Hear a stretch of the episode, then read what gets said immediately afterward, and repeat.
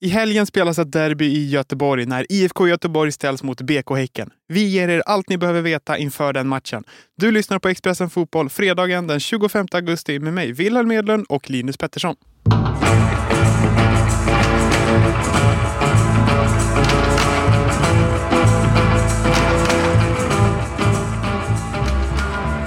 Ja, det är Göteborgs derby på söndag. Linus, hur går tankarna spontant?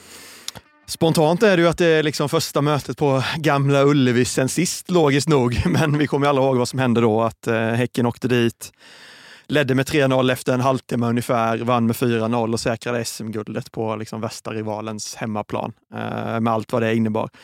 Så det är ju lite de eh, minnena och tankarna därifrån som liksom kommer tillbaka så spontant när det är liksom dags för match på, på Gamla Ullevi. Och där är vi på Gamla Ullevi igen. Det jag kommer ihåg eh, främst ifrån den matchen är ju det här eh, hotet mellan supportrarna att storma inte planen för då kommer vi komma med åtgärder. Hur stor är den här rivaliteten egentligen? Ja, men den växer ju såklart och har ju växt med, med liksom ju större Häcken blir och ju mer supportrar de får och ju mer framgångar de får, desto större blir ju såklart rivaliteten. Och det var väl ganska nära ändå faktiskt att det spårade ur eh, i den där guldmatchen. Vi, vi har ju alla sett, eh, många av oss säkert i alla fall, sett bilderna där IFK Göteborgs supportrar egentligen står redo nere liksom, jämte planen för att göra någon form av liksom motaktion om Häckensupportrarna skulle storma planen. Nu höll ju de sig kvar på läktaren och det, det blev eh, väldigt lugnt och, och, stilla på det sättet. Kanske mycket på grund av att Häcken eh, faktiskt hade en hemmamatch eh, kvar sen där de kunde fira på, på riktigt och, och liksom, eh, ta hem guldet på det sättet. Eh, det jag kommer ihåg mer från den matchen är ju faktiskt att det var Mattias Bjärsmys sista för IFK Göteborg, att han där fick hoppa in i slutet och att det blev liksom hans avtackning och avsked på något sätt från IFK Göteborg. Mitt i den här liksom guldrusningen från liksom Häcken där. Det var också extremt speciellt. Det var en match med väldigt många ingångar och, och, och punkter att hålla fast vid säger väl också ganska mycket om vad de här två lagen har blivit. Att eh, en hemvändare till IFK Göteborg tackas av med att eh, lokalrivalen eh, vinner ett SM-guld och Göteborg fightas i nu i alla fall, i botten av tabellen. Ja, exakt. Och det, det har ju egentligen bara fortsatt sen den matchen. Alltså det har ju gått eh, uppåt för, för Häcken som nu är ute i Europa och, och härjar och det har gått mm, ännu mer neråt för IFK Göteborg som liksom kämpar i botten. Och vi ska inte komma ihåg att när lagen möttes i våras så blev det 4-1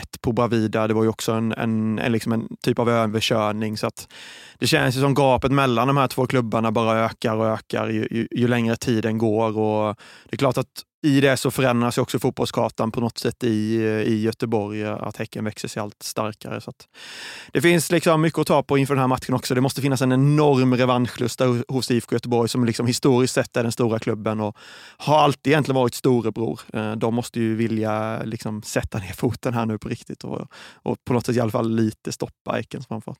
Rent sportsligt är de ju just nu lillebror och befinner sig på kvalplats i allsvenskan.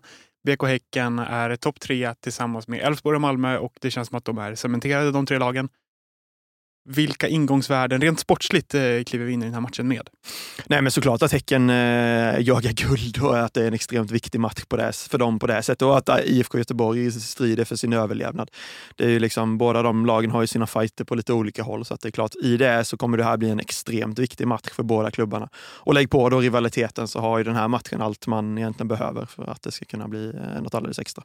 Göteborg har varit lite på hugget, det är ändå känslan, i alla fall de sista två, tre matcherna. Ja, verkligen. Det får man absolut säga. Och det imponerande tycker jag med de två segrarna de har tagit här nu på rak är att de har vänt underläge 0-1 i båda matcherna till segrar 2-1. Och det, det säger ju ganska mycket och mycket mer än bara liksom att man har plockat tre poäng. Det finns, ger ju ändå någonting och signalerar någonting att det finns eh, någon form av nytändning i den här truppen. Jag tycker vi ska komma in på värvningar och så sen, men jag tycker mycket av det kan liksom tillföras Astrid Selmani som på något sätt har kommit in med, med ny energi i det här laget och väckt, väckt dem till liv. Han har ju gjort inhopp i båda de här matcherna och varit delaktig på, på många sätt i att man har lyckats vända. Um, kanske framförallt inte på planen spelmässigt utan med liksom den utstrålningen han har och den energin och den liksom jävla namma eh, som han eh, kliver in med.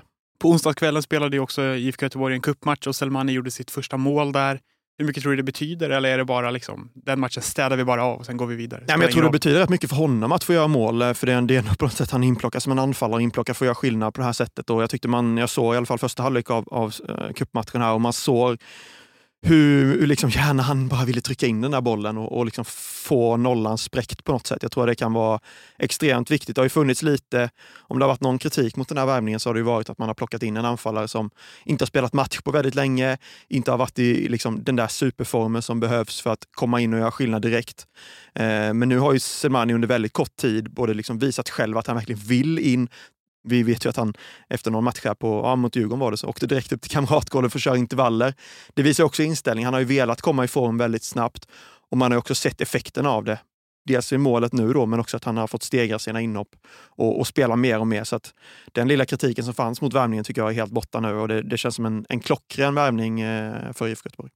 BK Häcken kombinerar allsvenskt spel med Europaspel och vi ska säga att nu när vi spelar in det här så har de ännu inte spelat eh, den här eh, kvalmatchen i, i Europakvalet. Men hur har det fungerat för dem att spela Europa och allsvenskan eh, bredvid varandra? Nej, men bra, jag, vi, vi kollade lite snabbt här hur mycket tävlingsmatcher de har spelat i år. Och det är ju, de är uppe i 32 stycken och jag tror Elfsborg, som inte var med i, i cupgruppspelet, där står på 20 tävlingsmatcher då, Malmö på 24. Så det är klart att det är en enorm skillnad och något som man ska ha med sig när man pratar om liksom, guldkampen. Men än så länge har ju Ja, men häcken har ju gjort det bra. Den enda plumpen är ju uttåget i Champions League-kvalet såklart mot, mot eh, Klassvik. Eh, Klaxvik? Klaxvik, Klaxvik, något sånt. Exakt, och det är väl den enda plumpen egentligen. Annars eh, har de ju gjort det extremt bra och lyckats extremt bra på båda, båda fronter. Och bara att de har säkrat liksom, gruppspel här nu i Conference League är ju ett bevis på det. Och att de fortfarande är med i den här guldstriden. Så att, um, det har de hanterat extremt bra. De har ju en väldigt bra och bred trupp som de eh, även nu har då lyckats förstärka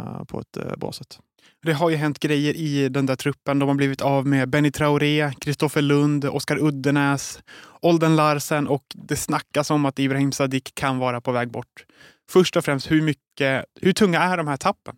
Ja, men extremt tunga såklart. Eh, Benny Traoré framförallt vet vi alla vilken nivå han höll. Sadik har väl kanske nästan varit ännu bättre på många sätt. Så om han försvinner så kommer det, det bli tungt också. Och Kristoffer Lund har ju haft en enorm utveckling sedan han kom till klubben. Men det blir ju också så, det är ju liksom baksidan med att göra det så bra som Häcken har gjort det, att du blir ju, du blir ju sönderplockad och spelare vill ju logiskt sett vidare till nästa nivå. Så arbetet blir ju egentligen att, eh, att hitta ersättare och där där, det var ju lite frågetecken eh, till en början i, i somras där eh, kring när Benny Traoré såldes, att man var väldigt sent på det tyckte jag och många med mig att man inte tog in någon ny anfallare. Det kanske var det som gjorde att de åkte ur Champions League-kvalet också.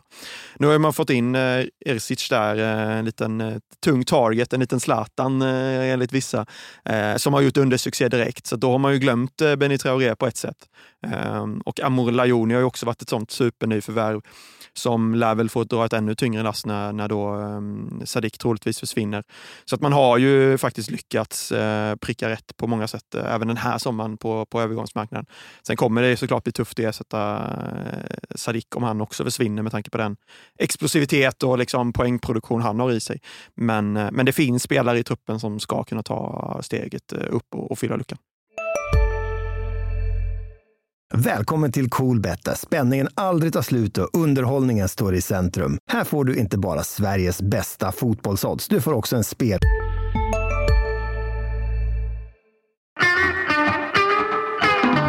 Som du säger, det kanske är tidigt att slå fast om det är ett lyckat fönster eller ett misslyckat fönster. Men hur hur står sig truppen nu jämfört med vad den gjorde för en månad sedan eller två månader? Nej, men det är klart att den, den känns ju lite försvagad, absolut. Och det gör det väl alltid när man byter ut spelare och det blir alltid osäkerhet kring, kring de här nya spelarna som kommer in. Av både liksom Sadik, Traoré och Lund så visste man ju allihop eh, vad man, vad man fick. Och vi har även Nolden Larsen där som du nämnde innan som var en ja, topp, toppspelare. Alla de fyra har egentligen varit liksom på högsta, högsta allsvenska nivå det krävs ju lite tid innan vi kan eh, placera in nyförvärven i, i den kategorin.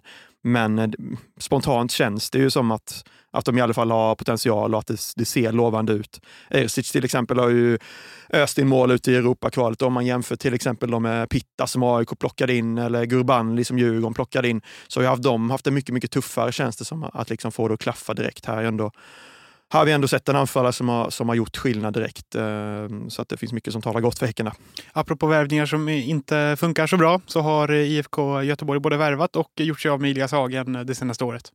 Ja, och det, ja, det, allt, det mesta är väl sagt kring honom egentligen. Han värvades ju för för att vara navet i ett nytt IFK Göteborg som under Micke Stare skulle bli mycket mer bollförande, mycket mer framåtlutat som det så eh, modernt eh, heter just nu. Och han skulle liksom bli, bli den bärande spelaren i det, i det laget. Sen vet vi alla vad som hänt. Micke Stare har fått lämna. En ny tränare har kommit in som inte alls vill spela den typen av fotboll och då, då passar inte Elias Hagen in. Så att, ganska logiskt på något sätt att man går skilda vägar eh, och IFK Göteborg lät ju på dem i alla fall som att de ungefär fick tillbaka pengarna. Så att det var väl en bra affär för alla parter. Karl Johansson också försvunnit och eh, Johan Bångsbo eh, ryktas vara på väg bort i alla fall. Hur stort tapp är det? De eh, borde gå att ersätta, tänker jag. Ja, absolut. Bångsbo vet vi alltså, att han har en enorm potential i sig. Det har vi ju sett tidigare. Nu har han inte varit speciellt bra den här säsongen, så att på det sättet kanske det hade varit eh, bra för IFK Göteborg att ta det budet. Som det pratas om 20 miljoner ungefär från, från klubbar i Frankrike. Det är ju inte potential de behöver just nu. Nej, precis. Och nu har ju Bångsbo inte ens startat eh, det senaste här, så att, eh, kanske att man borde ta det budet. IFK Göteborg är ju fortfarande en klubb som behöver sälja spelare. Och det har man inte gjort egentligen för, för stora summor. De senaste åren. I fjol tror jag det var ungefär 18 miljoner om jag jämför med typ Hammarby som sålde för 140. Så det är klart att IFK Göteborg också behöver sälja spelare och eh, i nuläget kanske man då borde, borde ta de pengarna och lägga på något mer etablerat som kan rädda dem kvar i Allsvenskan. De har värvat eh, Arbnor Mukkoli, Kolbeinn Tordarsson, Astrid Selmani och eh, Thomas Santos. Om jag ställer samma fråga här då, är det ett, eh, en starkare eller svagare trupp mot innan fönstret öppnade? Ja, men det får man väl säga ändå att det, det är en starkare trupp eh, med tanke på vad de behöver här och nu. Selmani pratade om innan och den skillnaden som han har faktiskt kommit in och gjort. Mukolli gör ju också mål mot Djurgården, så där får man också säga att han har faktiskt varit med och bidragit. Eh, Santos också eh, jo, kändes pigg i början med sin extrema snabbhet, har väl kanske tappat lite, men men det känns ändå som de har kommit in med någonting nytt och framförallt är det spelare som, som tränare Jens Asko verkligen vill ha och som han verkligen använder i sitt sätt att spela. Um, så att jag får väl ändå säga att de har det är inte lätt för IFK Göteborg heller att plocka spelare i det läget de befinner i. Man, man, man som klubb, när man ligger där och fightar i nedflyttningsstrecket, så kan man liksom inte plocka från den högsta hyllan heller. Så att, eh, det känns väl som IFK Göteborg har fått hyfsad träff i alla fall på, utefter deras förutsättningar och att spelarna ändå har kommit in och, och, och gett dem lite ny energi. Och tidigare har de haft ett, eh, ett värvningssystem där de har satsat mycket på äldre spelare. De har plockat hem många hemvändare. Det kanske är eh, början på, eller slutet på den eran helt enkelt. Nu satsar de på andra spår.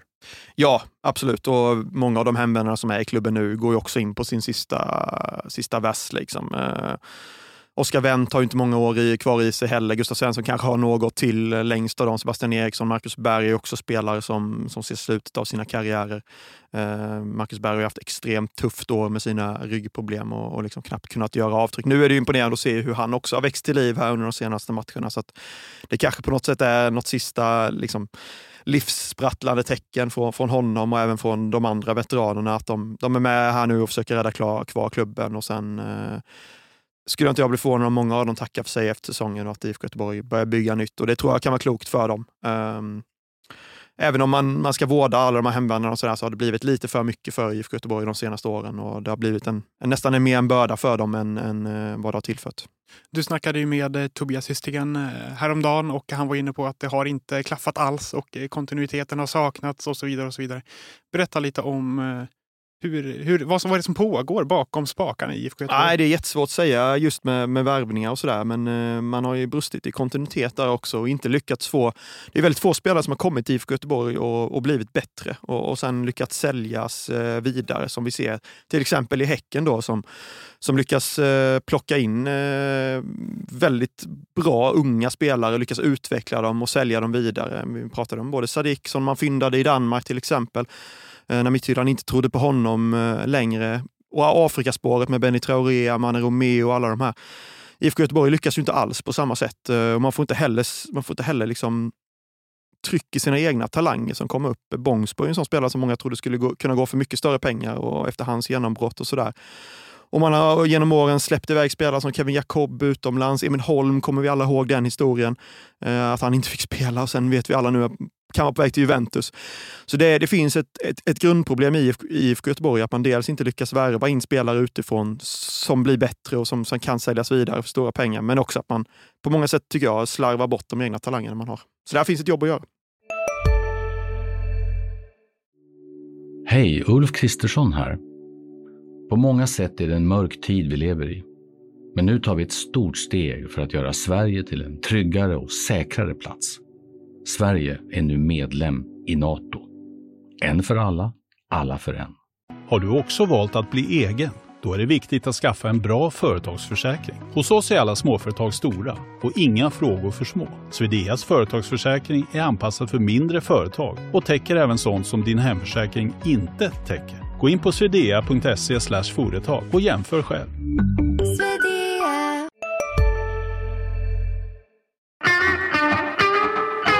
Bakom eh, allt det här, eller mitt i allt det här snarare, så håller en anonym konsult till som du har eh, kollat lite på. Ja, alltså, det man, man kan väl sätta det, om man ska sätta det i en kontext, så liksom vid sidan av, av, av att liksom kämpa för, för överlevnad på planen så pågår ett ganska stort framtidsarbete inom IFK Göteborg. Man ska ta fram en ny verksamhetsplan. Den nuvarande går ut i år. Och I verksamhetsplanen så ingår ja, men framtidsplaner helt enkelt och målsättningar för sport, ekonomi och, och, vidare, och så vidare. Och I det arbetet då så har man plockat in en, en konsult som eh, är ganska okänd för många. Man har inte presenterat honom på något sätt och han finns inte med på hemsidan eller, eller något sånt där. Han har jobbat för, för klubben nu ungefär ett och ett halvt år och han är då enligt våra uppgifter den som leder det här arbetet. Eh, och det kanske inte är så konstigt i sig att man plockar in en konsult för att liksom bredda kunskapen som finns internt och ta hjälp utifrån. Det har vi ju sett många andra klubbar göra, men det här har väckt lite kritik internt och det är väl det som är det intressanta i det här. Att många är lite förvånade över hur ja, men att det inte är klubbdirektör Håkan Mild som leder det här arbetet, vilket kanske hade tett sig mer naturligt. Och den här konsulten är då på plats ungefär två dagar i veckan, är det som sägs. Och att då han ska vara med och, och liksom leda arbetet med att staka ut klubbens framtid, det är det många internt har reagerat på och, och många upplever som väldigt konstigt. Det är ju spännande för det återstår tio allsvenska omgångar ungefär. Och det känns som att matchen både på söndag och de kommande tio matcherna, de handlar allihop om mer än tre poäng. Ja, ja, så är det ju. Eh, det är ju det där klyschiga att eh, det, är är final alltihop, eh, såklart.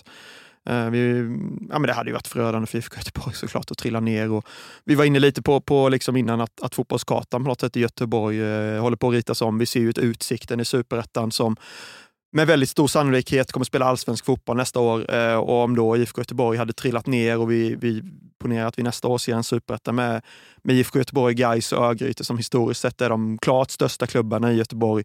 Och då en allsvenska med Häcken och Utsikten som är uppstickarklubbarna. Och det, det, det är något spännande på gång eh, i Göteborg, men eh, för IFK Göteborg hade det såklart varit extremt förödande om de inte lyckas säkra det här kontraktet. IFK Göteborg mot eh, BK Häcken på söndag. Nästa vecka kan vi summera och se tillbaka på hur det gick. Ja, det kommer bli en match att hålla ögonen på.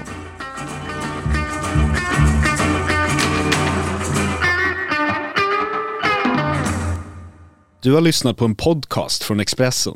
Ansvarig utgivare Klas Granström